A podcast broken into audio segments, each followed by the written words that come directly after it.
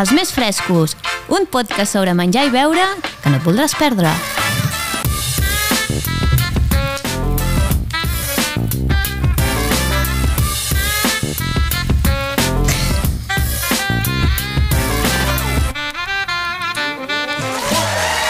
Benvinguts als Més Frescos, el primer podcast sobre menjar i beure gravat en una botiga. Sí, sí, una botiga. Un programa totalment autoproduït per Narrabins i el Bocamoll. Avui tenim un convidat dels que molen, un defensor de la llengua, de la cultura i de la gastronomia adaptada als temps contemporanis. A l'única persona al món que li pot quedar bé una americana i unes espardenyes de vetes. Un tio que es nodreix de les situacions gastronòmicament quotidianes per explicar-les. En definitiva, Pep Antoni Roig. Però abans, deixem-me saludar en Xavi, el meu company d'aventures, i l'Anna, que sempre ens posa una mica d'ordre.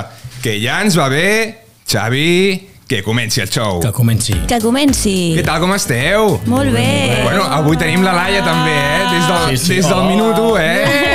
Com esteu Hola, tots? Esteu Laia. bé? Sí?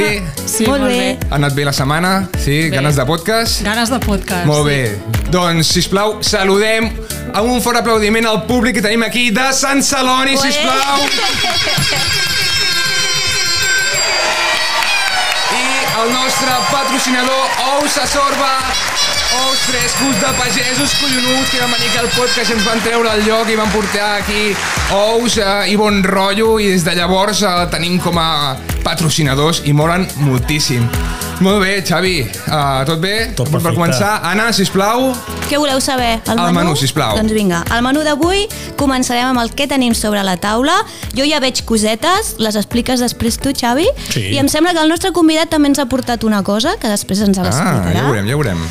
Llavors ja xerrem amb en Pep, la secció de la Laia, baixareu persiana, Xavi i Oriol, però abans, què ens toca? La secció d'en Xavi va de Carmanyola.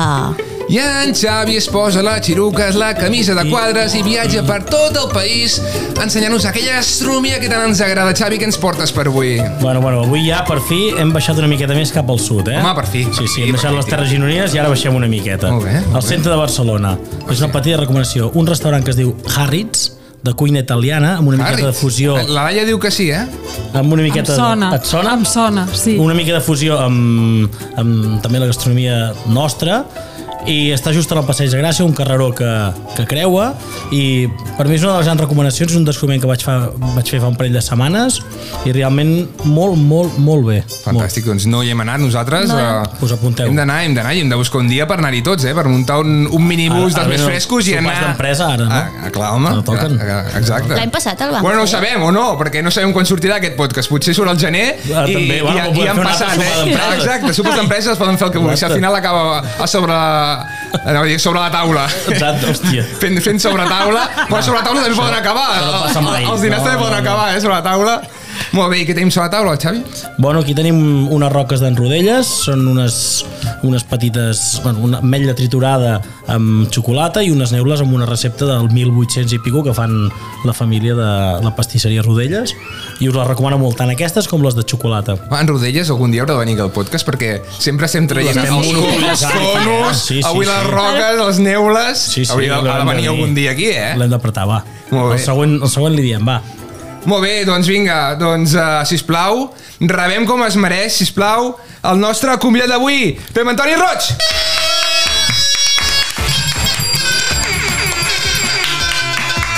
Pep, què tal? Com estàs, tio? Bon dia. Què? Molt, molt No, content d'estar aquí, tio. Sí? T'agrada això, què? Ho veus bé? M'encanta... Portem 5 minuts i, Sí, ja. i m'ho estic passant molt bé i tenia moltes ganes de venir, la veritat. Que guai, i nosaltres que vinguessis, eh? Doncs, uh, bueno, a mi el que m'agrada molt, tio, és el teu look punk reformat amb un aire bohemi cultural i perfecte copatge entre elegància, tradició i rebeldia, tio. Hòstia. M'encanta aquest look que portes, eh, tio. És molt, molt fan, eh, tio. M'ha costat molts anys que algú em descrigui així i estic molt content que algú hagi fet. Sí, m'he costat una mica... Perquè t'has apropat molt a, Bastant, als no? últims 15 anys de la meva vida. Sí. Vinc del que has, el, el, Sí, el, sí. pri- la primera paraula que has fet servir, aquest punk, Sí, sí. suposo que vinc una mica d'allà. Mai vaig ser un punky de pota negra, com aquell que diu, però els ambients... De pota pots- negra, que bo. No, però...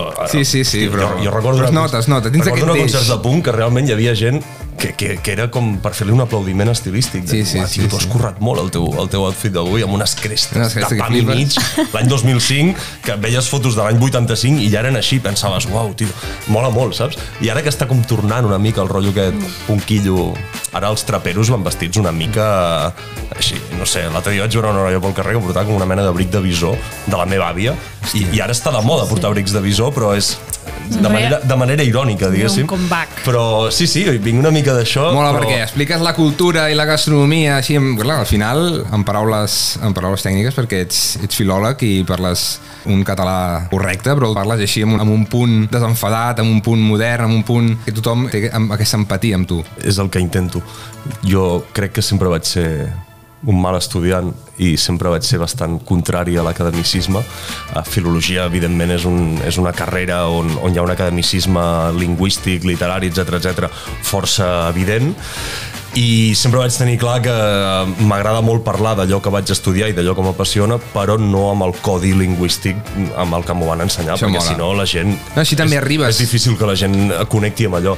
I jo ho intento explicar d'una manera una mica més planera i, Clar. i bé, també posant l'orella una miqueta al que passa al carrer. Per sort, tinc 35 anys, però no he desconnectat de, del que pensen i del que viuen els que en tenen 18, 20, 25, perquè sóc entrenador de futbol sala d'un equip de noies d'aquesta edat i, i parar l'orella i, i sentir la música que escolten, sentir els referents que busquen, sentir les paraules que fan servir. Bé, no sé, jo fa un any no sabia què volia dir estalquejar Està que ja, sí, sí. i sí. gràcies a elles ho sé. Aleshores, no m'importa posar-ho en un article, malgrat que aleshores aquell article la meva mare ja no el pugui entendre al 100%. Però bueno, bé, però al final estàs acostant a gent jove que al final és qui ha de tirar el carro també. m'estic acostant al futur. Al futur, exacte. D'aquí Que 50 això- anys tenim clar qui serà i qui no, i aleshores, bé, Que això amb el vi, amb el vi català també passa. correcte. Eh? La, la manera de parlar, la manera de comunicar t'has d'acostar a, a les noves generacions. Sí. Perdona, quin concepte heu dit? Perquè clar, Quin d'ells? Quin? quin d'ells? El concepte aquest que has dit, que no s'ha dit... Estalquejar. Estalquejar. Estalquejar. Què és estalquejar? És espiar una mica a través de les veus? xarxes. Sí, és, Ah, és, és, és, per exemple, jo ara t'he conegut Sí, sí. a tu, doncs eh, potser quan surti per la botiga, ara imagina't que em, em vaig al Google i poso el teu nom. Xafardeges. I xafardejo el teu Mm, val, Instagram, el teu. Twitter, la Val, teva val, pàgina val, web, etc. Jo tots els convidats que venen a l'estalcatejo, bueno... Exacte, sí, sí, a tope. L'avís del LinkedIn els hi salta tots el dia abans. Sí o no? Vindria a ser això. Val, val, d'acord, això. d'acord, sí, mira. sí. Molt bé, però has estudiat Filologia Catalana, però ets director creatiu audiovisual, columnista del Nacional.cat, codirector del documental Catalunya Nord, el català judici del 30 minuts, escriptor de la novel·la Abans a la boira, col·laborador del nou C de rac i entrenador, com has dit, d'un equip femení de futbol sala, tio. Uh, això és estalquejar. Um, fas alguna cosa més? M'has estalquejat molt bé. Bueno, tio, és la meva feina. Ah, fas alguna cosa més, tio, perquè realment és increïble tot el que fas, tio. Faig Fas excels, moltes fa, coses. Faig excels per poder fer tot això. T'has ordenat la vida, no? No, no, no et pensis que són tantes coses. És a dir, sí que ho són, però... Uh, vaja, crec que totes les que faig les faig amb, amb ganes de, de passar-m'ho bé i, amb, i, i des de la passió, diguéssim, i tampoc... N'has dit moltes, però algunes no impliquen molt de temps.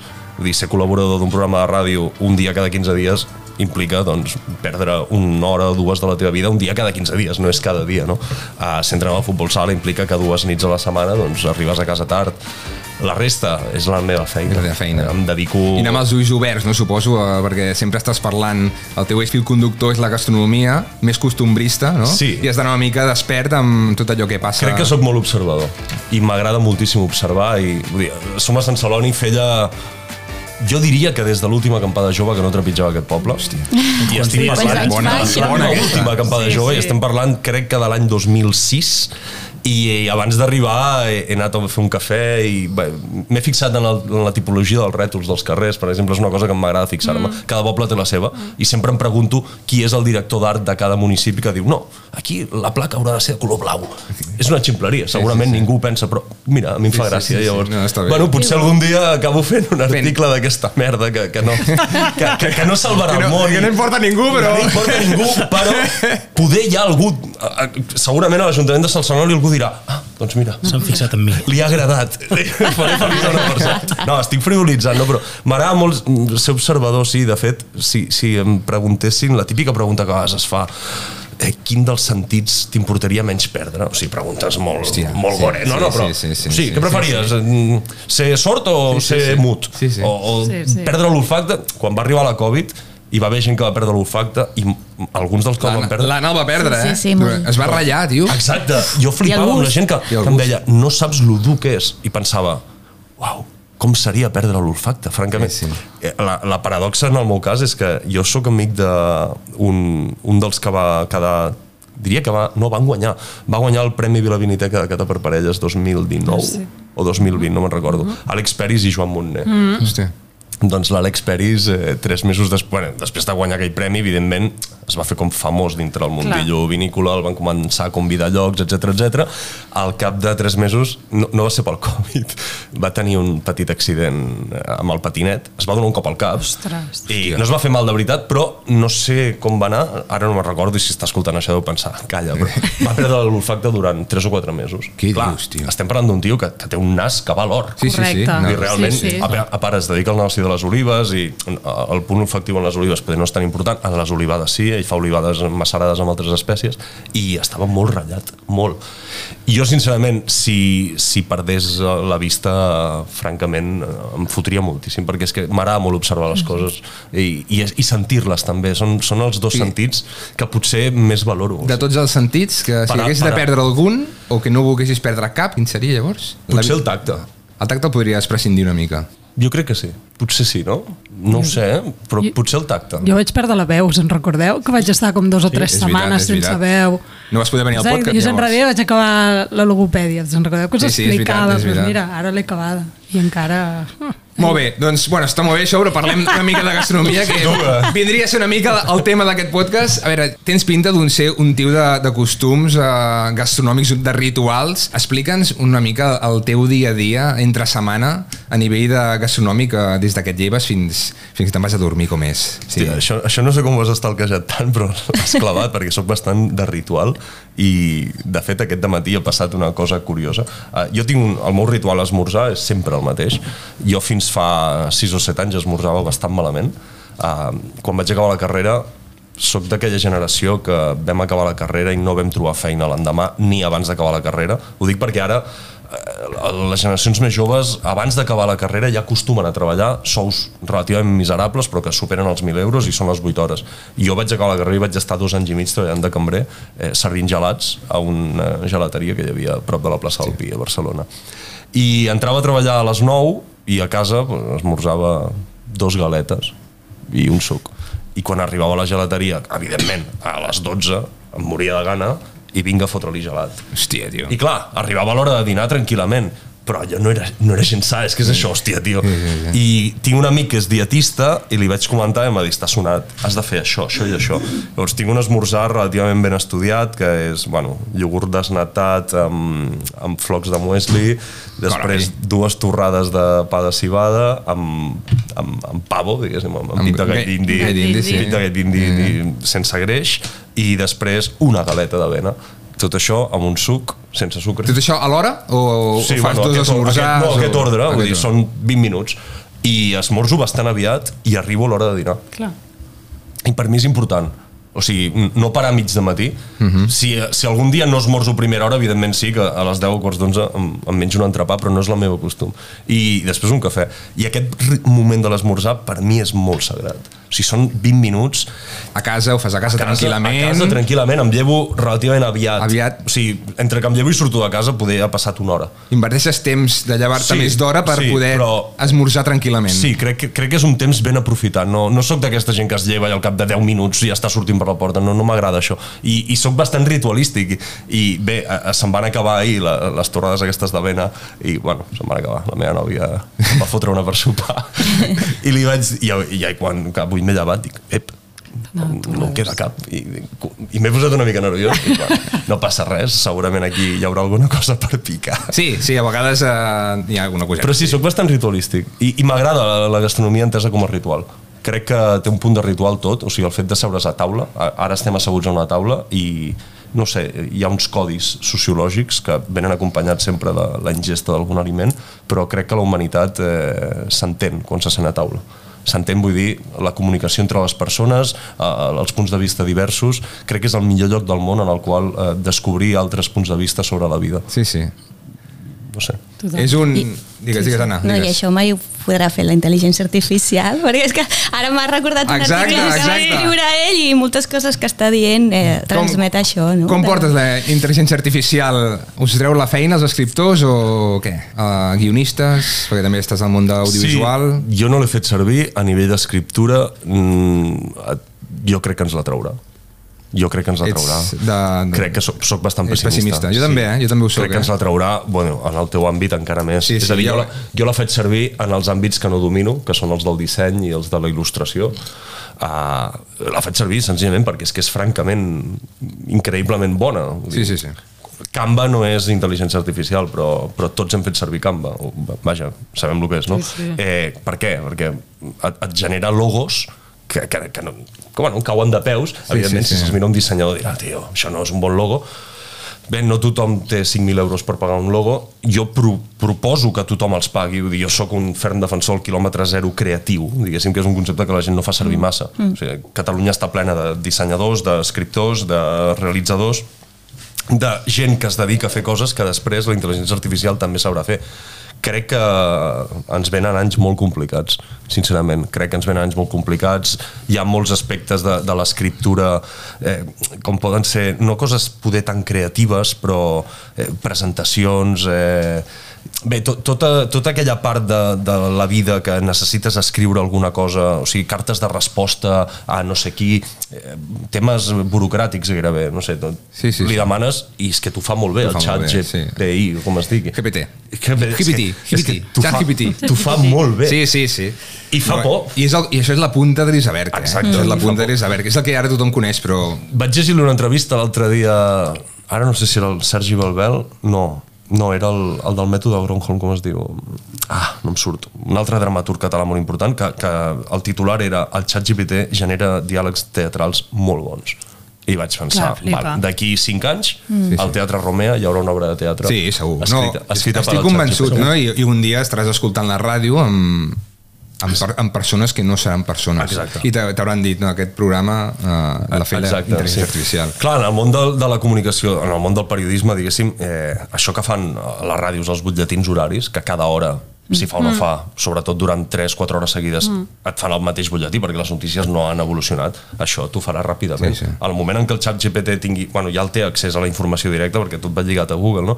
Escolta, explica en 30 segons què ha dit el Pedro Sánchez sobre Israel t'ho dirà una veu que no existeix Sí, i sí, arribarem al dia que hi haurà una mena d'holograma barra Totalment. eh, persona humana que t'ho explicarà a càmera. Bueno, de fet, hi ha comptes d'Instagram d'influencers que no existeixen ja. Que és una persona, tu, Ostres. tu estàs veient, això ho sabeu? No, no, no, no ho sabia. Ah, bueno, Pots seguir una, una persona i Sí. aquella persona no existeix. I les fotos, Ostres. surt la persona i no... no I està generant un però munt això, de, de diners, això, eh? I està però al facturant, i està facturant. Ja, ostres, que Tinc la sensació que va al final molt és ràpid, com... molt ràpid, és molt com ràpid. Sí, fa, fa I- sis mesos, vuit mesos, no en sabíem Res, massa res. cosa. Ha anat molt ràpid. Ha anat molt ràpid. I Sí, està... jo crec que ha sigut el, el, la imatge del xat GPT el que ho ha explotat tot. Sí. Això fa molts anys que s'està treballant Sí, amb l'intel·ligència sí, artificial. Eh? totalment. Parlem de 15-20 anys, ja hi ha casos molt, més, em fa gràcia molt perquè coneguts. Eh? sempre havíem pensat de les, les pel·lícules no? que sortia la in- intel·ligència artificial però està adoptant una forma que no, no era el, el que nosaltres veiem a les pel·lícules No, i llavors està venint exacte. per un altre lloc però bueno, al final l'objectiu al final és el mateix, és, serà el mateix eh?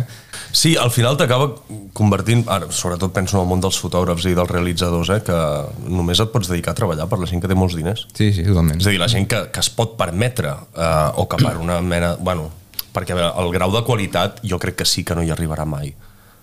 La És sensibilitat, que hi ha una la part, hi qualitat. ha una part de sensibilitat, d'analítica, No hi arribarà mai. de, Jo crec que no hi Les arribarà mai. L'ésser humà sempre anirà per davant amb això. I, però clar, eh, és, és un món car, el nostre. Quan dic nostre vull dir el- els que ens dediquem al món aquest de, de la producció audiovisual o de la creativitat, no és un món econòmic. Els pressupostos no Mhm. Totalment. són econòmics. Exacte. Llavors, la, la, la perruqueria de la cantonada, si vol fer un logo, segurament no et vindrà a buscar tu.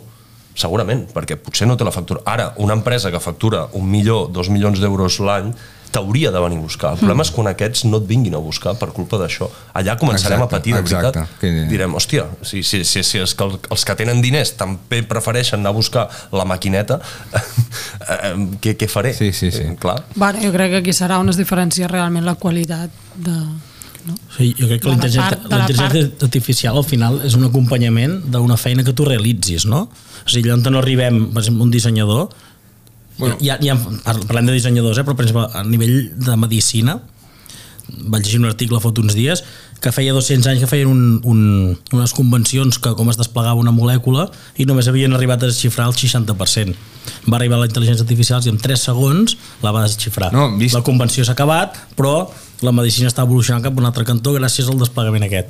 No, és que jo, com a eina... Com a eina- Com a eina té moltes Molta coses, positi moltes coses positives. El problema és quan et carregues llocs de treball perquè és molt més fàcil utilitzar l'eina que la persona. I després que ja el, el producte final sigui la intel·ligència artificial, que això també és el que fa més por, que és això. Aquí és el problema. Què? Que Clar. puguis seguir a, a un compte d'Instagram que no existeixi, un programa de ràdio que no siguin persones les que estan a darrere dels micròfons i...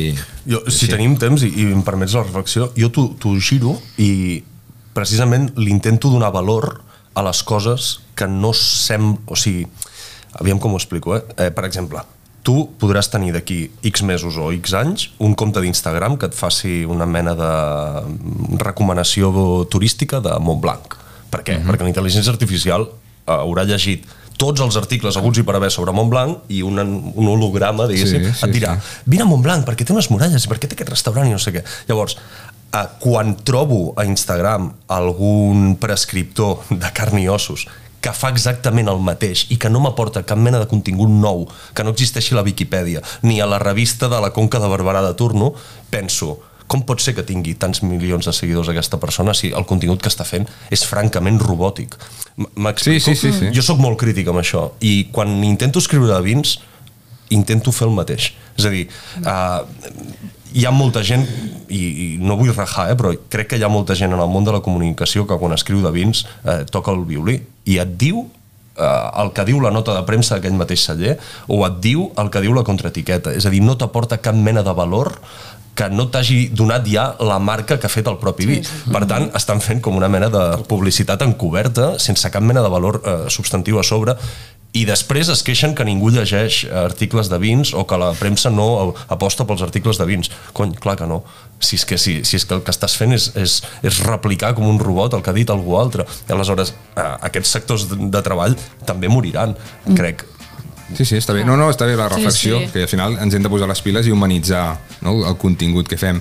Ara que és parlar de, de comunicació de vins, parlem de cartes de vins que has escrit uh, un, Ah, sí, un article molt bo sobre, sobre la carta de vins al restaurant i ara m'agradaria que féssim una mica de, de conversa aquí entre tots, on parles, uh, bueno, uh, expliques que hi ha molts contrastos, uh, lamentablement, en els restaurants. Hi ha restaurants que tenen cartes de vins molt extenses, potser massa extenses i molt tècniques, i altres restaurants que són extremadament vagues. A part de, de vins poc interessants, sense respecte al vi de proximitat, poca presència al vi català, que això és una que d'aquí sempre estem defensant i estem, estem dient. Què, què opines això? I m'agradaria que féssim una mica de, de tertúlia sobre aquest tema que crec que dona molt per joc. Jo crec que com a país vinícola estem millorant, però seguim estant molt lluny del... Sigui, jo, soc, jo abogo pel proteccionisme màxim. En aquest sentit, em poden dir conservador de la punyeta, però eh, al Penedès, per exemple, eh, hi ha un restaurant que la carta de vins és bastant extensa, però eh, si la carta de vins té 10 pàgines, 8 són Penedès. Res més. I després té referències externes molt top, però super selectes. I em sembla perfecte, hi ha gent que li critica. Però em sembla perfecte, el restaurant és del Penedès. Estem, Ho critica per què? Perquè hi ha masses vins del Penedès. I perquè n'hi ha massa pocs de fora. De bon. Però és que quan vas a Rioja no hi ha vins de... No. És que Jo- quan vas a Ribera del Duero no hi ha vins de Totalment. Rioja. I quan, I quan vas a fora de Catalunya, vull dir, fora d'Espanya, ja és eh, absolut. Jo me'n recordo a Itàlia, vaig anar a, una, a, una, a un restaurant bastant bo de vins, que, que vaig llegir una recomanació d'una revista italiana, no sé què, eh, la carta de vins, és el que has dit tu. No sé si tenia 60 pàgines, era, era un escàndol. Era un escàndol. El sommelier era colombià, parlava castellà, igualment, jo parlo italià, eh? però bueno, vam parlar castellà. Ah, sí? Carai. Sí, vaig estar vivint allà mig any. I, I li vaig comentar, dic, no, nosaltres som de Catalunya, som del Penedès, som d'una regió molt important amb mig escumosos. No ho coneixia. Hòstia, era el sommelier d'un restaurant super important. Dic, ¿en serio? ¿En serio que no conoces Cataluña a nivel de vinos? Bueno, algo del Priorat, però no, no me interesan. Va dir, no me interesan los vinos d'Espanya. A la carta, que tenia 60 pàgines, hi havia 3 vins catalans. 3. I de francesos segurament n'hi havia 2.000 i bueno, jo li vaig explicar un dia després a l'Alba Balcells, que és la directora Sí. de l'Incavi, aquesta Sí. sí. anècdota li vaig explicar. Sí. Li vaig dir, tenim un problema. Mm. Penso que tenim un problema, mm. perquè eh, crec que els catalans, per la nostra història, tenim, tendim molt a mirar-nos al malic i creiem que el món ens mira constantment i el món no ens mira. Crec que el món no ens mira. No, no, I en- t'has de fer mirar. T'has de fer mirar. Totalment. I, A tots els àmbits, I a tots els àmbits, a nivell literari, a nivell Sí, sí. musical, a nivell cultural, t'has de fer mirar. I, clar, eh, fer-se mirar a vegades costa diners.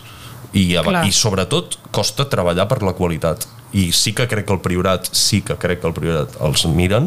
Uh, crec que en el món de les comors, mm, sobretot fora de la Déu Cava, hi ha coses que fora de Catalunya, fora d'Espanya, són molt, molt, molt prestigioses, però la resta costa molt. I a nivell de cartes, crec que falta una mica de pedagogia falta, no et diré dibuixets o, o emoticones, eh, però a, a mi no em desagrada que a una carta de vins posi suau, uh, fresquet, uh, Clar. molta acidesa, perquè la gent que no hem estudiat uh, somilleria, que no som enòlegs, doncs a vegades ens van bé aquestes petites pistes per a dir, vale, doncs em ve més de gust això, em ve més de gust això. A mi no se totalment. malament. Els puristes molts cops ho critiquen. Ja, però el cas és arribar... Anna, pen- sisplau. Sí, no, que m'ha fet pensar ara que el que falta, bueno, que estem canviant una mica, però que falta canviar la mentalitat de la gent del carrer, del dia a dia. Perquè ara m'ha recordat una anècdota, Oriol, que vam anar a dinar amb uns amics i el que primer que fem nosaltres quan anem a un restaurant és mirem la carta de vins, a veure si tenen vins catalans, Correcte. no? Val, doncs vam veure que, que no, no, en tenien un, Mm. no? i va, en Rioja, ah, clar, ens van posar el vi eh, que anava en aquest menú de degustació, era Rioja, mm. oi? Te'n Sí. recordes? I clar, nosaltres vam fer el comentari, ostres, podia ser català, que estem a Catalunya, estem en un... I una nostra amiga va dir, bueno, però per què? No? Ah, I, I vam començar una conversa i un Clar. diàleg de... Ella no entenia per què havia de ser català, perquè el Rioja està molt ben considerat. Ostres, que ens estan donant un Rioja en un menú de degustació. Nosaltres, pues, que estem a Catalunya, no? I vam crear aquest debat, i és el que fa falta, pedagogia, ensenyar, i jo des d'aquí no sé qui ho ha de fer això, per tant, Incaví, qui sigui, aquí a Catalunya és la seva feina, no? Sí. Hauria d'estar treballant per clar, això. Nosaltres també, totalment d'acord, eh, Anna, perquè a més ens, ens hi fixem. Perquè Nosaltres tendim a fixar-nos, però igual ens pensem que tothom s'hi fixa amb les cartes de vins Clar, i no, no, tothom s'hi fixa. és que aquesta noia no, també Que tenia raó, perquè era la seva... Jo m'he trobat amb casos també, i dies enrere no fa massa, eh, ostres, el que va ser, no recordo el lloc, eh, de veritat, però vaig mirar la, la carta de vins i volia volia un vi a copes i vaig dir, dic, no, no tens cap vi d'aquí, no tenien cap vi d'aquí. Em diu, no, i tenien, i tenien carta de vins. A Sant dir, Celoni? No, no, no, no, no, vull dir, però aquí a Catalunya no sé si era pujant cap a Girona o on, on vaig anar. I vaig dir, dic, no, no tens Clar. res d'aquí. No. Jo el que crec que al llarg dels anys els catalans hem tingut sempre una mentalitat de perdedors Sí, i una una mentalitat de que no ens creiem del que som, què tenim com a país, perquè al final un, un país, ja, ja no parlo a nivell només gastronòmic, eh? un país que eh, amb molt pocs quilòmetres quadrats tens els Pirineus, tens mar, tens uns golfs, tens uns deltes, tens... no ens creiem el que tenim. Si no ens creiem primer de tot que som, que som un país punter, podem ser-ho i tenim de tot, tenim els millors restaurants del món en aquí. No ens ho estem creient tampoc. Uh -huh. Tenim, jo crec que dels millors elaboradors de vins que hi ha al món també, però no ens ho creiem. Sortim al carrer, Sí. ostres, un vi que està de puta mare, un vi blanc, que l'estiguis comprant a 4 o 5 euros, ostres, pobre elaborador, és que quina campanya vol que faci de cara Sí, a sí, l'exterior si m'estàs pagant res més, si no puc pagar campanyes de publicitat de cara a l'exterior. Potser sí que l'administració pública ens hauria d'ajudar més, no? Però, hòsties, tu vas a qualsevol estanteria, un vi o un escumós per 10 euros, et fots autèntiques bestieses o corpinats mateix, a 25 euros. Tu te'n vas a França i el mateix te'n va als 60 Sí. i el venen tot i a més a més surten al carrer i diuen és que jo sóc el millor elaborador de xampany i pensa, hòstia, sí, a 60 euros o 70 ojalà qualsevol dels nostres d'aquí pogués vendre 60 o 70 euros. Jo crec que de cara al carrer seríem els putos amos. Sí. que és el que crec que ha passat al Priorat. Al Priorat han entrat gent molt potent amb molts calés han posicionat el Priorat al, al món. Però pagueu. Pagueu perquè us posicioni. La DO Priorat ha fotut molts calés. Li han donat un distintiu de, de DO Q de Sí. qualitat, vull dir, aquí la Generalitat també ha, fotut hi ha hagut molt Sí, sí, que a interès més n'hi ha dos a Espanya només. Només eh? hi ha dos a Sí, Espanya, que- I Rioja- un, és, I un és priorat, sí, vale. sí. Vull dir, al final jo crec que la primera mentalitat que hem de tenir és creure'ns-ho i l'altra és, evidentment, que la gent a la restauració comenci a tindre més coneixement de... de Això és el que deia el Pep, que- la, la, la Sí, pedagogia. la, clar, hem de fer aquí un treball didàctic molt bèstia. I nosaltres és el que intentem fer també des dels més frescos, mm. des de... Bueno, tots els que estem aquí, els Sí. contes que tenim, no? I ho fem de manera altruista totalment. totalment. Pues a les organitzacions, no sé, no, que tenen més diners, aquests, bueno, s'hi han de posar les piles i des d'aquí reivindiquem. I, Però- I només- un moment, he pensat ara una cosa, que tu, Pep, vas escriure un article que posava um, que era Bailar reggaeton, Defensors de la Terra, doncs et proposo que n'escriguis un de uh, demaneu vi català, Defensors de la Terra, o sigui, quan anem hem de ser ja nosaltres, no? Que quan anem en un restaurant o en un bar demanem que tinguin vi. I he de fer com català. viatjo. I no una, cosa, com... una, una cosa, si hem de demanar que escrigui un article, que les, Bueno, l'escriguin eh, l'escriguin els més frescos perquè- home, que escriguin a nosaltres. Ah, també. home, si hem de demanar per demanar... No, però eh, amb, amb això que estem parlant, i en relació a la primera pregunta que m'has fet quan hem començat, que t'he dit que era molt observador, a la setmana passada vaig anar a dinar a la Panadella, mm -hmm. no sé si heu estat mai. No. No, no. No. Bé, us ho recomano, la Panadella és una Anna, apunta, sisplau. És una antiga àrea de servei mm. eh, entre Igualada i Cervera, Sí. eh, que quan no existia l'autopista la gent per anar a Madrid passava mm. per allà i Ah. fa 40-50 anys allò, bueno, allò era brutal a nivell de garbuix de gent i ara està bastant abandonat en un sentit que hi passa poca gent encara es mantenen en peu els dos restaurants un es diu eh, Ballona i l'altre es diu La Parada a La Parada fan una de les millors escudelles i cardolla de Catalunya Va. i un cop l'any acostumem a anar-hi amb la meva parella uh Mhm. -huh. i quan va arribar el fred fa dues setmanes vaig dir, ep, hem d'anar a la parada és un, Toca escudella. és un menú d'escudella que, que és força econòmic, em sembla que val 22 euros i realment surts d'allà, bueno, doncs, escudellat, no? Clar, és un menú escudella on posava lo típic a sota, pa, aigua, postres i vi.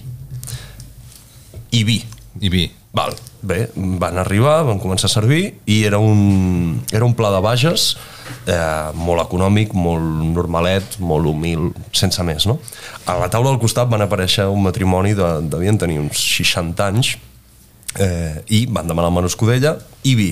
Els hi porta i aquell senyor vaig entendre que eren clients habituals, eh? li van servir el vi i és que el que us he dit abans, soc bastant bolleur i vaig escoltar i va veure i li va dir, literalment li va dir "Txt, no m'agrada porta'm en un de bo va fer una paradinha i va dir un Rioja Clar. Mira. El primer error està aquí. I, i ja està. I el senyor, el cambrer, que para la Panadella, el cambrer va, va, amb, va amb armilla i amb camisa Sí, sí, blanca. no. I, vull dir, és tot bastant vintage. Li va portar un Rioja i vaig veure l'etiqueta, automàticament vaig saber al Google, vaig buscar-lo. Ja, un- sap, ja saber quin Rioja Era era. un Rioja que valia l'ampolla 4 euros. 4 euros. 4 I, euros. I va dir, "A- aquest sí. Ara, ara, Ara sí. sí. Ara sí. Ara sí. Ara sí, hòstia! Home. Jo crec que hi ha, en tot el que estàs dient, que estic molt d'acord, eh, crec que hi ha un canvi generacional important. Sí. Crec que la generació dels nostres pares, suposo, eh, no es van creure mai que fossin part d'un país vinícola del bo. Josep Pla mateix eh, diu unes merderades sobre els vins catalans força importants. I, i sí que als anys 60-70 van començar a aparèixer alguns petits elaboradors algunes, eh, alguns cellers que s'ho van començar a creure. Torres per exemple, als anys 60 o 70 ja ho començava a petar. A, al món del cava en aquell moment, el xampany era una cosa que, que no, no, no, no pretenia jugar a, la gran, a les grans lligues, tenia un mercat intern molt gran, però eh, jo és perquè soc del Penedès, però fora del Penedès encara hi ha molta gent que es pensa que el cava per les postres i per l'aniversari. Sí. I ja està. Llavors, quan jo explico que esmorzem amb cava, quan fem un esmorzar a forquilla, a casa meva s'esmorza amb cava, cava. que per Sí, dinar sí, sí. sempre el cava al primer plat, Al primer plat, gairebé no? mengis el que mengis, vull dir canelons, cava, és que m'ho demana el La cos. prèvia, sí, sí, la prèvia amb cava. Sí, No, no, i la escumós. prèvia, i el primer i el Sí, segon. sí. I, I crec que la generació nostra ja ha començat a viure en un altre món crec que la revolució del priorat als 90 eh, és una mica com, com lo de la independència, no? Se'n recordeu el 2017 que ens deien uh, t'han de reconèixer uh, internacionalment. Mm. Amb el priorat va passar això, vull dir, ho peta quan van a una subhasta a Londres l'any Sí, 93, senyor. el Sí. René Barbier i el Josep Lluís Martínez, no me'n recordo molt bé com va anar, i, i de cop i volta algú valora allò en 2.200 eh, eh, lliures. Són 2.200 euros. Que... Hòstia! I hi ha un documental brutal a Sí, TV3 ja, ja. que es veu com un any abans eh, una senyora està omplint una garrafa al mateix celler on l'any següent fan un vi de 2.200 euros a Gratallops. I clar, la senyora aquella que està omplint la garrafa Sí, sí. que, que devia valdre 100 pessetes, li diuen, com? Que això val 2.200 euros? Sí, Llavors, el reconeixement va internacional... haver un posicionament exacte, aquí molt- et posiciona, molt- i a partir d'allà comencen a aparèixer paracaigudistes, alguns somiadors, l'Álvaro Palacios, que yo, cuando llegue el priorat, yo supe que vine aquí a hacer la ermita. Bueno, fantàstic. Sempre, sempre hi ha un visionari que vingui de fora molts cops, que, que t'obri, no? I després, Álvaro, aprèn a parlar català, ja està, però... Sí, sí, som, no? Però a, el que va fer el Priorat crec que ho aconseguit cada cop comencen a, altres petites DOs estan fent aquest petit exercici crec que Terra Alta i, i tot lo del concurs de garnatges del món eh, també s'ha posicionat molt bé També. jo sóc un ferm defensor del que ha fet Corpinat per exemple, era molt Jo necessari també. era molt necessari que això Totalment. passés era absolutament necessari i jo, si em dieu el meu tipus de vi preferit sempre diré que és el vi escumós perquè eh, és amb A el que més, vaig és que començar a veure quan era Sí, petit a més, és que es fan El- uns vins escumosos aquí. al meu poble hi ha quatre cellers i cap fa vins tranquils, tot es fa escumós, vull dir, el, el, el cava, el vi escumós al Penedès és una religió i, i jo soc, jo soc bevedor de cava barat. Jo us tinc un article, també ho explico. Jo, jo m'he criat, veiem aparèixer gent de fora del Penedès que aparcava el cotxe davant d'un celler eh, que segurament no coneixeu perquè són cellers molt petits, obria el portamaletes i s'endulla 18 ampolles, capses de 6, capses de 6, a un preu ridícul. Irrisori. Però, però és gent que després a casa seva té 18 ampolles de cava i que, bé, són faves comptades, no? Un cop cada dues setmanes, un cop cada diumenge. Però és que Bé, també hi ha consumeixen. Ja. És aquesta gent a qui s'ha de fer pedagogia de veritat. I dir, d'acord, aquesta ampolla l'estàs pagant a dos euros i mig. Puja una miqueta més amunt, l'experiència serà una miqueta millor. I ajudaràs també a que sobrevisqui alguna empresa que Clar. fa uns processos una miqueta més naturals, més delicats, més sensibles, perquè al final al meu poble hi ha quatre cellers dels quals només un vinifica. Els altres tres foten etiquetes. Sí. Sí, sí i, i a part, si, si pots arribar a pujar el valor d'això, d'aquestes això no coses... sap, eh? No, no se sap i a vegades no és agradable dir-ho, però jo he vist com... O sigui, això és un celler? No, això és un senyor que té una màquina de fer etiquetes. Va a la, bé, a la cooperativa Sí, o a, compra a, a, a, compra sigui, el vi base, ta, ta, ta, Sí, sí. fa l'etiqueta i te la ven a 3 euros. Clar. I clar, i ve el tio després del Masnou o de Torredembarra, que no en té ni idea, ni idea en el sentit que ell no ho sap, que aquell senyor no vinifica, i li compra i, oh, perfecte. I què opines dels projectes ara, que hi ha molts que, que realment no tenen vinyes ni celler, però tenen marques de vins? I Por pares i això, per no? pares, però hi ha un punt més que t'expliquen històries, que sobretot en el vi natural està passant molt, gent jove que li agrada molt el, tot el que envolta el món del vi però no té, no té vinya ni celler i crea marques. En el món Tant del vi natural ho valoro molt i, i ho respecto molt perquè crec que, és, crec que és un món que està molt a prop de l'artesania i, i al mateix temps és un món molt telúric. És a dir, tot el que sigui natural al final l'Agustí l'Agustí Roca, uh, l'Agustí Torelló, perdó, uh, el, el petit, el fill, mm. uh, amb Ànima Mundi, per exemple, té un projecte molt guai i, i me'n recordo que bueno, jo vaig treballar en, en el seu projecte al principi, el vaig ajudar amb la comunicació i hi havia una frase que em deia ell sempre, deia, jo acompanyo el cep i acompanyo mm -hmm. el cicle però no intervinc. No intervinc. Bueno. M'agrada molt el concepte d'acompanyar una cosa natural i no intervindre. És a dir, la natura és prou sàvia com perquè tu només hagis d'estar pendent. Uh -huh. És com, com amb els nens petits, no? que quan els comencen a gatejar, eh, si li agafes la mà i aprendrà més lentament que si li dius tira, tira, i tu només estàs al costat, com els rodins de la bicicleta. No? A mi m'agrada molt. És molt complicat per gent que, que no ve de família... O sigui, aquí tenim un altre tema català típic, no? que és l'herència i l'hereu. Sí. Clar, si no has nascut a una família que té terres, De terres, i, nano, que, que, llavors, però la teva passió és el món del vi, què i has de vols fer una marca de vins. Exacte, què has de fer, no? L'única manera és aquesta, és o comprar el, el vi base a, a, al costat de Vilafranca Pax hi ha un coworking de vi. A la A xarxa. la xermada, home, la xermada, i tant, i tant, home. Sí. Jo, jo, ho conec molt. Sí. Que, Jo- jo, jo vaig quedar parat, perquè jo el coworking la sempre l'he entès a l'àmbit creatiu. Correcte. I quan vaig entrar que hi havia un Sí, sí. coworking de vins, vaig dir, hòstia! Encara avui em sembla que, que a nivell mediàtic, diguéssim, no s'ha donat prou bola això i Ja. falten més reportatges al Telenotícies, Sí. perquè a mi em va passar el mateix. Sí, sí, jo també sí. he treballat a coworkings i el coworking pues, sempre és un lloc on hi ha no sé, Sí. un billar i un futbolín Exacte. i, un tio amb una tassa de I l'Starbucks sí, i, i una, Nespre, una Nespresso que la, la comparteixes i... amb el Mac, tal, i clar, vas allà i et trobes un coworking de tios que fan vi, però clar, tios que fan vi perquè tu, tu també... De fet, nosaltres el, els nostres vins Sí. els elaborem a la xermada. Eh que sí? Tal qual. És meravellós, em Sí, sembla sí, sí. increïble. Clar. I que Sí, sigui sí, el sí. Penedès em sembla eh, millor encara. Jo veig que m'ho estalquejant molts articles, en tinc un que parlo que el Penedès és, és la capital mundial del vi natural del sud d'Europa eh, arrel d'una fira que, que fan a Sant Llorenç Hortons el mes de maig eh, que és, és bueno, em sembla brutal tot el que està passant a, a la meva, al meu petit territori on no només per la xarmada crec que hi ha molts elaboradors de vi natural i crec que ho fan molt bé. Crec que ho fa molt bé. I, i crec que és un món que permet doncs això a la gent que té una passió. Tampoc no crec que ho facin per guanyar molts No, diners no, sincerament, no, la majoria tenen No altres crec. feines. Sí, sí, sí. l'altre dia vaig estar parlant amb, el, amb uns que es diuen Julio i Calla viticultors, no sé si els coneixeu. No, no. el Julio és el somiller del ah, ara no em sortirà no digue'l, ara no me'n recordo És igual. és el somiller d'un restaurant no sé si té una o dues estrelles Michelin és un tio que té una Clar. feina molt valuosa somiller d'un gran restaurant i la seva dona és, un, és italiana i, i treballa en una feina a Barcelona normal i corrent diguéssim i també a la xarmada van allà i fan el seu vi i el vaig provar estava Boníssim, no? i m'ho van dir, és el nostre hobby no el venem a un preu alt per fer després hi ha altres casos que sí, que és la seva vida i la seva feina mm. -hmm. el Francesc Frisac per exemple de, Que home, sí. Sí, home. Clar, ell, ell té una línia de vins que són Sí, sí, sí. sí. més tirant a natural, de mínima intervenció, després té una línia de vins més, Més- més normal. tradicional. Però Allà sí que ells són fills de... i tenen unes terres Clar, a, clar. explotar, Totalment. a, han pogut fer-se un celler. Llavors, eh, no em sembla malament, no em sembla malament el, el por pare aquest que No. dius. Des de fora, a vegades cal explicar-ho molt bé, però no em sembla malament. I em recorda també el món dels, dels afinadors de formatge, diguéssim.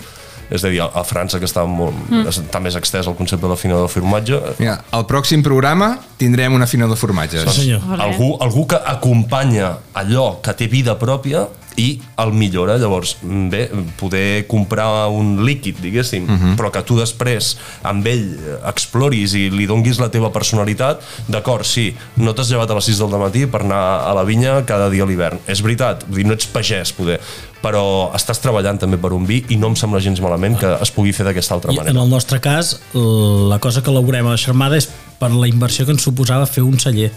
Nosaltres tenim les vinyes pròpies i la inversió que ens suposava pel volum de- d'ampolles que produïem era insuficient per pagar la infraestructura On- on tens aquesta. les vinyes? A Montseny i Tarrés. molt bé I, i de fet un estem a la Xarmada per això. en un I, vi molt bo, eh? Un, un pel desconeixement a nivell en, enològic i a nivell de, de tots els processos i dos per la inversió, clàssicament. Vull dir que jo aquí hi ha, hi ha molts factors que tant, tant pots comprar el líquid i que te l'elaborin com tu realment tindre les vinyes i no tenir la capacitat econòmica per poder pagar això. Clar, busques la infraestructura, la infraestructura. i si tu saps a darrere el que estàs fent i amb quin producte treballes, i jo, tant. jo tinc un És projecte de, tinc un projecte al cap audiovisual sobre tot això si algun dia Home. sí, si algun dia algú Fe- Fem primícia aquí o no? Vinga. no, no, no, perquè- no, no puc dir molt, però molt embrionari encara. tu- com tots els projectes del món audiovisual necessita que algú li interessi i algú ajudi econòmicament sigui una tele, sigui el que sigui Eh, però Sé, sé el que dius, sé el que dius. que crec que Bona falta ens fa aquí. crec que s'ha d'explicar convidem aquí qui vulgui ajudar. Estem oberts a Crec que rebre s'ha d'explicar ajuda. Tot això. Jo, jo ho relaciono molt, sí. sempre he dit que per mi el món de la viticultura és el vuitè art. Eh, és, és a dir, és, és, un, és una va. disciplina més. I va molt lligat a la cultura. Exacte, és, Sí. és lligat a la cultura. Íntimament lligat a la cultura. Íntimament lligat, absolutament. I a dia d'avui hi ha entre tots els factors, l'art amb les etiquetes, amb la cultura, el- la part cultural que té, Sí, el món sí, del sí. vi, Sí, sí, eh, totalment. la pagesia, eh, tot. És que jo crec que el vi és un, és un factor comú Sí. que, que agrupa molts Totalment, diferents àmbits. totalment. Eh? Sí, sí, totalment. Doncs ara tenim dos minutets per parlar dels vins rosats, els pobres vins rosats que moltes vegades se'ls ha fet una mica de bullying. Tu tens un article on parles de, del vi rosat que dius eh, concretament del Parc de Sumoy Rosat, que és un vi que series capaç de banyar-te en una piscina sencera si l'omplissin d'aquest vi. Uh, Ole. Dos minutets. Com estem vivint el, el canvi que s'està donant al vi rosat? L'estem entenent més? Xavi, sisplau. Jo crec que el, el, el canvi del vi rosat eh, durant molts anys va estar molt, molt maltractat, jo crec. Vale? Sobretot pels vins que venien de la zona de Navarra, que antigament era d'on procedien la majoria. I la majoria de vins també eren barreja de vi blanc i vi negre, i era un més a més que tenien a les bodegues. El clarete. A, a clarete, El tal qual. clarete. I a dia d'avui jo crec que s'hi està donant un valor afegit i estan buscant uns vins rosats amb un perfil més fresc, més juvenil, uh, més com els blancs que estàvem acostumats fins ara. diuen de pell de ceba. De pell de diuen. ceba, correcte. Color de Jo crec que de estaran, la tendència és aquesta. Els vins blancs estan buscant més criances, els vins rosats estan buscant aquesta frescor i els vins negres estan buscant un altre cop també una miqueta de frescor perquè aquells vins tan tancats mm, ja no, a a nivell general ha evolucionat molt i jo crec que està canviant això. Que més, Xavi, si, ai, perdó, si no, si no ho tinc mal entès, el vi rosat és complex de fer. És a dir, ens, a vegades ens pensem que és un vi que és molt senzill És de molt fer, i, de des, fer. i, és, i és dels complexes de fer. És delicat de fer. Perquè al final el, el que dona color al vi És el temps són que tu pells. tens la pell allà i has de Hi calcular. ha, hi ha molt bé. varietats que no, hi ha varietats que són negres de dins i negres de fora, molt poques, Sí, sí. però la majoria el que li dona el color al vi és, el, és la pell. És la pell. Sí, sí. Si Pep, et passes que- una miqueta, et puja el Et color. passes. Què opines, Sí, sí. Pep, tu? Uh, jo a l'article ho explico, soc, soc una mica exagerat a vegades quan escric, però uh, jo ja està bé. a l'estiu no acostumo a, viu, a beure vi negre, no acostumo, bec, però realment a l'estiu intento apostar pe, pe, pel rosat, pel blanc, per l'escumós. Eh, jo crec que el rosat és un gran vi d'entrada a la gent que no és del món del vi, i crec que això és una cosa molt important també. Passa exactament el mateix amb els ancestrals. Crec que és la gran porta d'entrada. Sempre, sempre, ho- sempre, ho- amants dels ancestrals. eh? És- Absolutament. És increïble. Absolutament. Eh, Però què passa quan vas a, a una pizzeria, eh, ara per Nadal, eh, passa que eh, una classe de quart d'ESO, de primer batxillerat, fa el sopar eh, de turno i veuen l'ambrusco. Ambrusco. Però no veuen vi negre, ni vi blanc, ni vi rosat, ni escumós. Veuen l'ambrusco. Per què veuen l'ambrusco? Per totes les propietats que té l'ambrusco, la majoria d'elles infectes, però, bueno, és un vi que entra, no? Crec que l'ancestral està bastant en aquesta lliga I tant, totalment. i crec que el vi rosat en un altre context, segurament gent una mica més gran també. Aleshores, crec que el vi rosat és el, el gran vi per substituir eh, el quinto o la cerveseta o la tònica eh, en aquell moment del vespre a l'estiu que s'acostuma a donar més no? a l'estiu les terrasses s'acostumen a estar una mica més plenes que l'hivern el moment aquest eh, molt madrileny aquest moment d'anar a fer la copa després de treballar però és, és veritat, els catalans a l'hivern ens costa més fer-ho, Sí. a l'estiu ho fem més. En aquell moment crec que el, el vi rosat és un gran vi per prendre's a copes. I la meva defensa és aquí. Després això no vol dir que no sigui un vi gastronòmic com has dit, eh, no només és delicat de fer sinó que n'hi ha de gran complexitat. Aquest Pardes mateix és, un, és, és que és un vinazo.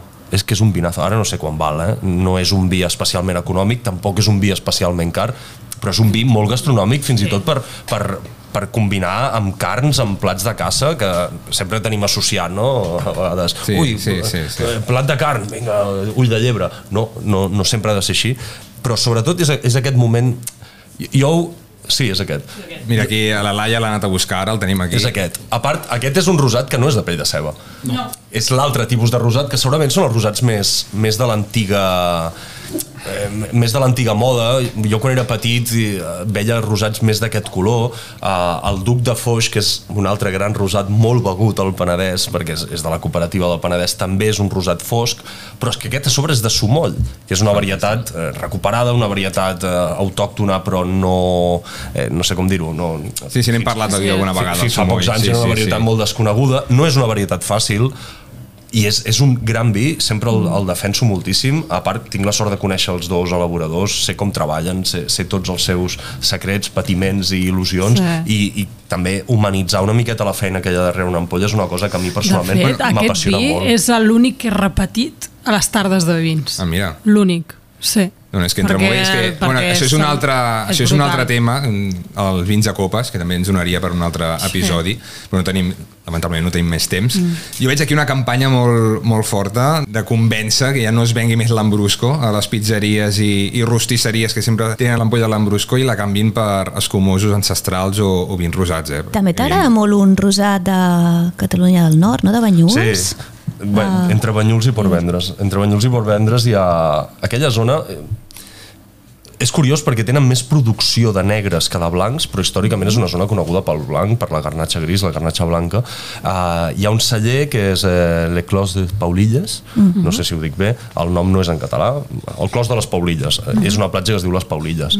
I és un celler que està...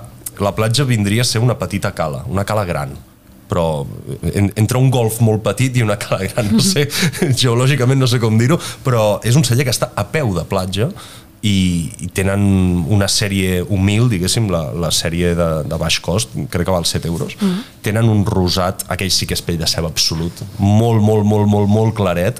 Uh, crec que és de garnatxa negra i garnatxa blanca macerà. Uh -huh. No sé, el, el, el copatge crec que és aquest. I m'agrada molt, sempre que hi vaig paro... I... Sempre que hi vaig paro... És una botiga, això. Aquí entra gent, diu bon dia, bueno, menys educada.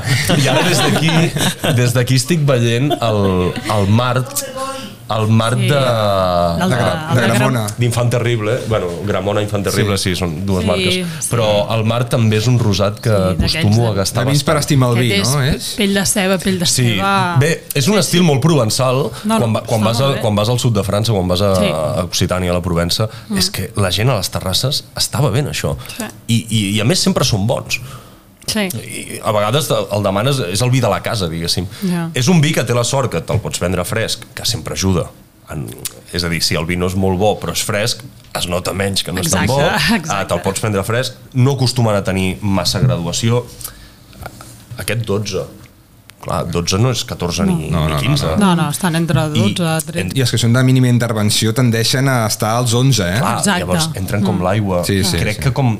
Jo crec Hi molt, ha eh? cerveses que a vegades són més fortes i tot. En, en la part de la pedagogia vinícola eh, crec molt en, en lligar-ho amb els moments. En aquest sentit, la, la Patricia Golferix, que Sí, sé que, sé va- que va venir aquí? Sí, ella quan va començar el seu projecte d'un dia un vi, mm. crec que gran part del seu èxit, ho he parlat amb ella i per mi allò va ser un projecte de puta mare, eh, va ser que ho lligava molt a un moment concret. Mm Mhm. I deia, eh, no sé, a vegades es passava, no? però deia, moment estendre la roba. Bueno, Hòstia, jo mai m'havia plantejat obrir un vi per estendre la roba, saps? Vull dir, El moment d'estendre la roba per mi és un infern. Venen 5 minuts allà amb la sisí i les pinces, no? Bueno, doncs O mira... si la maneixes una mica, no? Sí, i, Perds tot el glamour, eh? Amb la roba. crec que aquell, aquell Instagram, aquell projecte que va tenir, deu Sí, fer va. 6 o 7 anys, lligava molt bé en aquest sentit. Llavors, el vi, el vi rosat, eh, moment absolutament vespre i estival abans de sopar. I és un moment que a l'estiu, quantes vegades de 90 dies que pot arribar tant estiu, quantes vegades sortireu a les 8 del vespre estareu a un bar? Compteu-hi. Segurament més de 30 o 40. Segurament, entre setmana i tot. Perquè el Sí, dia sí. s'allarga i a dos Correcte. quarts de nou pots estar a un bar. Sí, sí. I què ens demanarem? És que podríem estar parlant Sí, hores, sí, sí, d'això, sí. eh? Sisplau, anem una mica justos de temps. Anna, la teva secció. Vale, Pep, et faré res, quatre preguntes així ràpides. Ah, val. On t'agrada desconnectar? A Mallorca. Home, Ah, Mallorca, vam anar fa, sí. fa un cap de setmana que vam anar a Mallorca. I vaig a bueno, varios, i varios vaig la setmana vinent. Sí? Ostres. Doncs Ah, ten- sí, que també... i Jo me vaig Tens un apuntar... article també, que també l'hem llegit. Soc un enamorat absolut. Sí. I portes ensaïmada de l'aeroport o de la ciutat? No, però sóc un enamorat absolut de Mallorca. Quan hi tornem, Oriol, sí. anirem a un lloc que va escriure un article que va descobrir en un poblet. Molt bé, sí. Um, veus que, quines funcions els teus articles fan? Uh, L'últim restaurant que et va fer tocar el cel Ostres, que difícil. o que ens aconsellis. A part, aquest de la parada ja me l'he apuntat, l'escudella. Aquest és un restaurant, bueno, molt autèntic, ja et dic. L'últim res- restaurant que em va fer tocar el cel... O un que eh, t'agradi anar i no cal que sigui estrella, estrella Michelin, eh? Mira, i, doncs sí, hi vaig, anar, hi vaig anar aquest passat diumenge, perquè hi torno sovint, eh, al barri de Gràcia hi ha un restaurant que es diu La Biblioteca, amb V baixa inicial, Hombre. home, que La biblioteca. eh, no només tenen una selecció de vins increïble, sinó que especialment tenen una selecció de formatges molt, molt, molt, molt heavy. Jo suposo que és el millor restaurant de formatges de Barcelona i, i bé, la- l'altre dia quan hi vaig anar ja em vaig adonar que era l'única persona catalana de, de la sala. És un lloc on ple d'expats, podríem dir. Sí. És al barri també, eh, els preus no és especialment econòmic, però és un restaurant que quan hi vas eh, és tiro assegurat d'una hora eh, gaudint com un animal. Què més, Anna? Descriu el millor lloc, moment, per fer una copa de vi. El teu. Estenent la roba. No, a mi, eh, a, a l'estiu, intentem amb la meva parella fer una setmana de vacances, si pot ser a algun racó del Mediterrani. Soc un, un ferm defensor del Mediterrani. L'altre dia llegia un tuit d'un tio que deia mai he estat quatre dies eh, fora de l'antic imperi romà. Eh, En el meu cas és exactament igual, o sigui, vaig anar de viatge a Marroc quatre dies, però mai he sortit de l'imperi romà. I m'agrada molt el Mediterrani i m'agrada molt, com que el Mediterrani s'assembla molt a casa nostra i per tant sempre hi ha oliveres, sempre hi ha uns tios que fan vi, sempre hi ha vinyes, m'agrada molt descobrir un celler i poder-hi parar i fer una degustació a les 7-8 del vespre i és, és un d'aquells moments que el món podria anar-se'n a la merda lluny d'allà, Mhm. que si estàs a una illa petita, eh, desconeguda si pot ser, i tu estàs allà assegut amb la teva copa o les teves tres copes, aquest estiu em va passar a una illa de Croàcia molt, molt, molt desconeguda, uf, és, és, Mhm. va, no ho canvio per res del món. Anna, Uh, quin detall et pot fer destrossar un àpat en un restaurant? O què és el que no t'agrada quan vas a un restaurant? Un detallet. Que diguis, han fet això i m'han fotut el dinar en l'aire. I al revés. No sóc especialment quisquillós ni crític amb, amb aquestes coses, però em posa una mica nerviós eh, quan demanes pa i te'n porten molt poc. O sigui que et, et vols més i no saps Totalment. com demanar-ho perquè dius, ai, semblaré pa és bo, que... encara més. Sí. I a part, i a part no, no acabes de saber mai si el pagaràs o no, perquè és una cosa que no acostuma Mira, a sortir que la anava carta. a dir, ara que anava a dir, dic que més a vegades... Sí, i em posa una mica nerviós i també em posa una mica nerviós la exagerada eh, servitud. És a dir, quan, no sé, quan et porten el pa a, amb un tovalló calent i amb unes pinces i tot. No sé, en aquest sentit em surt una mica el punk i dic, eh, tranquil, eh, segurament ets un pobre tio que cobra 1.400 euros com jo i estem aquí, som, som, somos compañeros. Eh, posa'm el pa normal, que no passarà res, m'enfio de tu. Però sí, em posa una mica nerviós que demanis pa i portin dos llesques. Oh, no, sí, és que el fan aquí un fort. No, no, sí, està de puta mare. Pa de massa mare Sí, sí, amb una sí, recepta sí. del 1703. Però és que en vull més. Porten més, que està molt bo. Ens podries fer un maridatge d'una peça audiovisual amb un vi?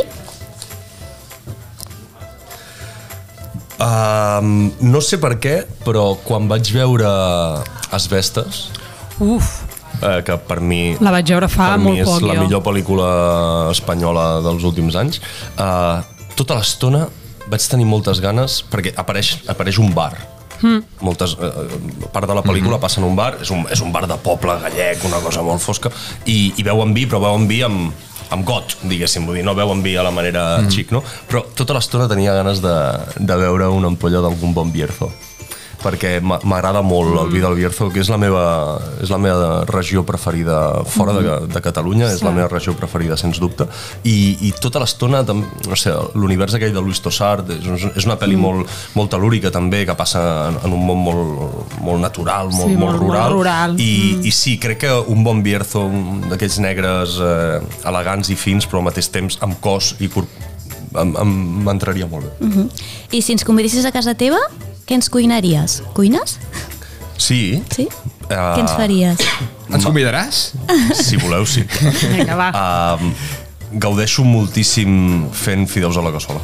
Home, És, és, és el plat que més... O sigui, no m'importa estar-me 3 hores. agendem ara un dia, Lla-. Llevar-me un diumenge i passar-me tot el matí només pendent de fer fideus a la cassola, m'agrada molt. I després, el, el meu plat preferit, ja us he dit que era un de Mallorca, el meu plat preferit és l'arròs brut. No sé si l'heu tastat Què és mai. l'arròs brut? És l'arròs típic de Mallorca. No l'hem tastat. L'arròs brut és... Molt malament. Em vam anar i no vam tastar. L'arròs brut és un, és un plat... L'arròs sempre és un plat eh, popular. Dir, això de cara als arrossos valguin 25 euros i ara vas als llocs i el, el, el tio que te'l porta es posa així perquè facis la foto amb Instagram. És Vale? com, és com les pizzas, tio. Han de ser barates, les pizzas. Exacte, o sigui, són plats Som de- nascuts, nascuts del poble. Clar, o sigui, les clar. pizzas a Nàpols valen 3 euros. Clar. Sí. 3 euros. Clar, sí, sí, és d'aquí. 4 com a molt. Sí. Aquí I- cop, i- copiem, copiem i, i pugem el preu tres vegades. Però bueno, si la demanda eh, Ja, ja, ja. ho, ho tolera, clar, i, i anirà més, eh? Hi ha, hi ha pizzas de 17, però el, el món de l'arròs, eh, a més en totes les cultures del món, segurament som, devem ser de les cultures del món que més car ven el seu arròs, els seus plats d'arrossos. Estic segur que vas al Nepal, a qualsevol restaurant, i, i, i Mhm. el que facin amb arròs val una misèria. No? Uh, L'arròs brut és un arròs eh, popular de Mallorca, que és un arròs amb, amb carn, amb conill, amb, amb, amb fetge, és un arròs fosc, per això es diu brut, eh, vindria a ser com una, si la caldereta és de peix, però és un arròs caldós i bueno, jo on el vaig a menjar sempre, que és a un, a un restaurant de Binissalem, val 8 euros. Ah. I et porten, una, et porten un, Tros una, una olla. No, no, Sí, és que sí, és una sí. olla directament. Ja, ja, és, és clar. caldós, és, és una sopa, diguéssim, d'arròs, i em, em té absolutament enamorat. Anna, Em ja pots apuntar absolutament això. enamorat. Apuntat. I tinc una amiga mallorquina que estudiàvem junts, que és molt bona cuinera i em va explicar la recepta. Perquè ells el fan sovint. És, és el seu... Molts diumenges els mallorquins mengen arròs brut. A part, és una cosa molt ancestral. Ho, ho feia la, me, la meva padrina, jo ho feia... Clar, la I em va explicar la recepta i l'he intentat fer a casa dues o tres vegades. No és eh, difícil, però sí que és laboriós. I sí, sí, em, em, em Molt surt bé. lleugerament bé i bueno, és un dia especial. Molt bé, Xavi. Molt bé, Xavi, et toca. Vale, va. Jo ara diré un seguit de frases, vale? i has d'encertar de quina pel·lícula venen. Vale? Va, Anem a jugar aquí. anem a jugar. És com degustar un bon vi. Cada glob és una nova experiència. A. El Resplendor. B. Eduard Mans Tisores. C. La naranja mecànica. La naranja mecànica. Oh. L'Eduard Mans, Mans Tisores, tu. Hosti, en català és raro, eh, aquest nom. no, no acaba de Et- et surt sortir. amb les tijeres. No sortir. No l'he vist. No l'has vist? No, Hòstia, no l'he vist. Em feia por, de fet. Sí, és que té, Em feia és por molt quan fosca. petit, perquè és, és de quan jo era Sí, petit. és fosqueta, em feia por les mans. És Em fosca, és fosca. sí. És una pel·lícula molt maca. És Tim Burton, no? Tim Burton, però en els bons moments del Tim Burton, eh? Sí, Em feia por i no la vaig veure mai. És una pel·lícula molt maca. sí molt, molt xula. Va, anem per la següent. Un home que no passa temps amb la seva família mai no pot ser un home real. Hauries de prendre lliçons com Don Vito. Ell sempre té temps per un bon vi. A. El gran Bebowski. C. El padrino. D. Capità Fantàstic. El padrí. Aquesta, fàcil, aquesta, aquesta aquí hi havia una pista molt forta, sí, eh? Sí, sí, t'ho deia tot quasi bé. Va, següent. El vi és la meva aigua i el pa és el meu aire. No puc viure sense ells. A. 2001, una odissea a l'espai. B. Blade Runner. C. Lost in Translation. Lost in Translation. Eh, Bona. Perfecte, Bona, perfecte. bona. Va, la última. La vida és una festa i el vi és l'espurna que l'encén. A. Moulin Rouge. B. Pulp Fiction. C. Petita Miss Sunshine. Moulin Rouge. Molt bé. Molt bé, tio, carai. Eh, uau. Molt bé, bona, eh, bona. Molt bé, Naya, doncs et toca, vinga. Eh, doncs som aquí, va. Eh, jo us porto, bueno, avui una mica la, la secció de vins de fons d'armari, que ja sabeu que de tant en tant m'agrada parlar d'aquells vins que acostumem a tenir a casa, que ens agraden, a una bona relació qualitat-preu, i n'he descobert dos de les últimes eh, tardes de vins que faig aquí, uh -huh. que un d'ells és el, uh, un priorat, el d'ara, que és del celler Sant Genís i Baquer, ens va agradar molt garnatxa, amb carinyena, per fer a copes, un bon, vi, un bon priorat per fer a copes, que a vegades els priorats per fer a copes eh, són, Són- con- són- són més contundents, No? sí, Aquest sí. està molt bé. I l'altre és un rosat de Garraf, de eh, Can Ràfol dels Caus, que és el petit caus, que és un vi fantàstic. Magnífic. A més, tot el que vingui, del, tot el que vingui de la part de Garraf treballen a mi m'encanta molt el que fan a tota la zona del massís del Garraf, no? que més tenen tota la influència marina. Marina, sí. Fantàstic. I Molt si fresc, algú, aquests dos com a vins de fons d'armari estan molt bé, i si algú a més vol anar amb un altre rosat, avui que parlàvem de rosat, si ja proven el Gran Caus de, de Can Ràfols dels Caus, ja és eh, la bomba. Aquí ja pugem, ja pugem un graó, però és un, és un gran vi.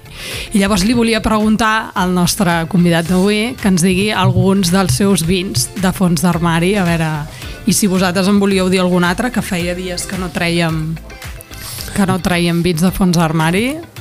Jo tinc una, tinc una sort, tinc un privilegi, més que una sort, i, i em poso una mica sèrio, eh? Uh, pel fet d'escriure un mitjà de comunicació i alguns articles, ara ja no tant, però durant un any i mig vaig estar treballant conjuntament amb la Meritxell Falgueres a la secció que ella sí. tenia al nacional.cat, Sí. ella feia el vídeo, jo feia un article per- en paral·lel, diguéssim, on explicava coses que ella no explicava al vídeo, i arrel d'allò vaig començar a escriure més de vins, de vins, de vins, de vins i bé, cellers, eh, distribuïdores, etc et, et, et posen l'ull, no? Jo tinc la sort que m'envien molts vins Clar. i és un privilegi i de fet eh, estic en la fase de que estic començant a enviar mails a dir gràcies però no me n'envieu més perquè no puc donar l'abast de tot el que m'envieu i sé que ho feu amb tota la bona intenció Ara però passem a la nostra direcció i, Sí. i els hi passes, els hi passes a la nostra direcció que fan un reenviament a casa nostra. em-. Em genera incomoditat i és una cosa que volia dir aquí en antena i que segurament algun dia escriuré públicament perquè eh, em sap molt de greu, em sap molt de greu perquè no són vins econòmics en molts casos, Segur. tampoc són vins molt cars, eh? Vull dir, un, una vegada em vaig rebre un que vaig mirar el preu a Google i vaig al·lucinar i vaig pensar, mare de Déu, això. És un tema delicat per escriure, eh? ho hauràs d'escriure amb, Sí, no, no, amb i- sensibilitat, i eh? que he canviat Sí, una mica sí, el sí, sí, amb sensibilitat. S'ha posat sèrio, s'ha no, posat no, sèrio. És que per mi és un privilegi. Sí, sí. Vull dir, per mi és un privilegi. Jo fa 7 anys, 8 anys, quan estava servint gelats a, a una gelateria, mai de la vida m'hagués pensat que pogués tenir a casa meva 8, 10, 12 vins tan bons que, Clar. evidentment, també reclamen el seu moment per obrir-los. I, i jo no em dedico a això, la meva feina principal no és aquesta, jo escric dos cops al mes, no escric cada dia, llavors eh, tampoc puc dedicar-me sempre al món del vi, molts cops el que fem és quedar, tinc, tinc una petita trup de, de bons amants del vi, i, bueno, quedem per sopar un cop al mes, hem trobat algun restaurant a Barcelona, en tenim dos, que ens permeten anar-hi amb els nostres vins, és molt, Molt guai això sí, sí. i Sí. nosaltres ens fotem un bon sopar i a canvi doncs, demanem aigua i les copes ens cobren res, un euro per la copa i nosaltres portem una capsa amb tots aquests vins i llavors de fons d'armari molts cops tiro d'això i després tinc dues fricades. Una és um, Gené Santa Cana, un celler molt, molt, molt humil, diguéssim, eh, humil. És un celler molt maco, però els vins no, no són gens cars, està al costat del meu poble. Terme municipal deu ser Santa Fe del Penedès, però bé, el, el propietari viu, a, viu al costat de casa meva, de fet, viu al Pla del Penedès, i tenen, tenen un cava rosat increïble, que val 5 euros, uh -huh. i sempre en tinc a casa, sempre, Apuntat. i, i també li compro, evidentment, el, uh -huh. el cava normal és Deo Cava. Uh, Va. tenen, un, tenen un gran reserva que jo crec que no deu superar els 9 i bé, no sé, la capsa de vi de cava amb aquests diners em fa un pack i sempre en tinc a casa. A la meva mare li agrada molt el cava també i sempre, sempre en bevem. I després, quan, quan vaig a Catalunya Nord, que hi vaig sovint, uh, m'agrada molt comprar. Tens una connexió amb Sí, m'agrada molt comprar vins de, de la zona uh, i, i hi ha vins que són econòmics i que si vas als supermercats de França Uh, és francament m'agradaria un dia també investigar perquè el que passa quan vas al Mercadona que et trobes un priorat per 3 euros allà també passa.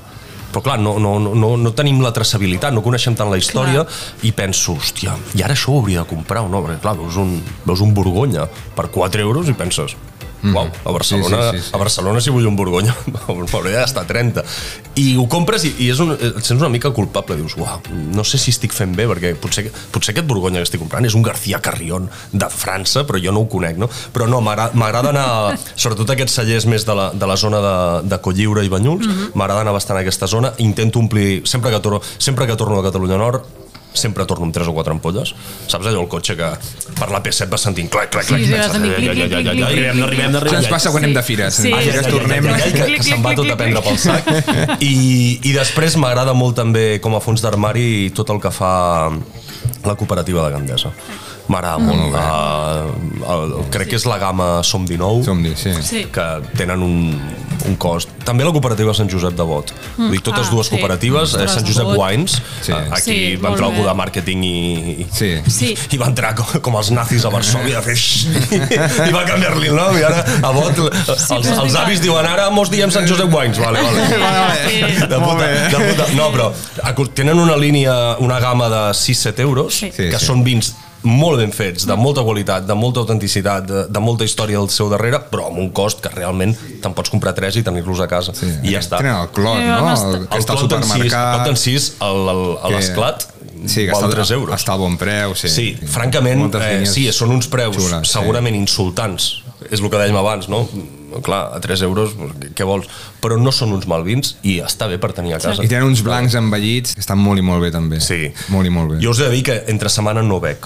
Mm, és una norma personal meva, Mm. de dilluns a divendres, no, de dilluns a dijous, eh, no bec. No és tampoc, però arriba el dissabte i ens ho veiem tot, tot el que no hem begut el entre t'has begut, ens ho ens bevem, ho bevem. recu recuperem. Al cap de setmana intento beure Sí, molt sí, més no, i a casa sempre hi ha d'haver vi, Sí, sempre. sí, sí. Però amb totes aquestes coses que t'he dit, dir, el privilegi de, de tenir gent que, que me n'envia perquè bé, o li interessa la meva opinió o vol suggerir-me que escrigui sobre allò o, o perquè jo sóc un friqui i intento trobar, Molt trobar rebé. cosetes. Doncs Molt bé. vins apuntats. Doncs vins apuntats, moltes gràcies. Faríem una ronda de tots, però és que anem sobrepassadíssim de temps i un altre dia et portem aquí i fem un altre episodi. Sóc un xapes, tio. No, no, però és que xapes. No, però moltes coses interessants. Interessants, Hem- hem hi ha, hi ha molts temes que no hem una tocat. Ja et dic jo que et tornarem a convidar a la tercera temporada i vindràs. Sisplau, un fort aplaudiment per Antoni Roig, sisplau!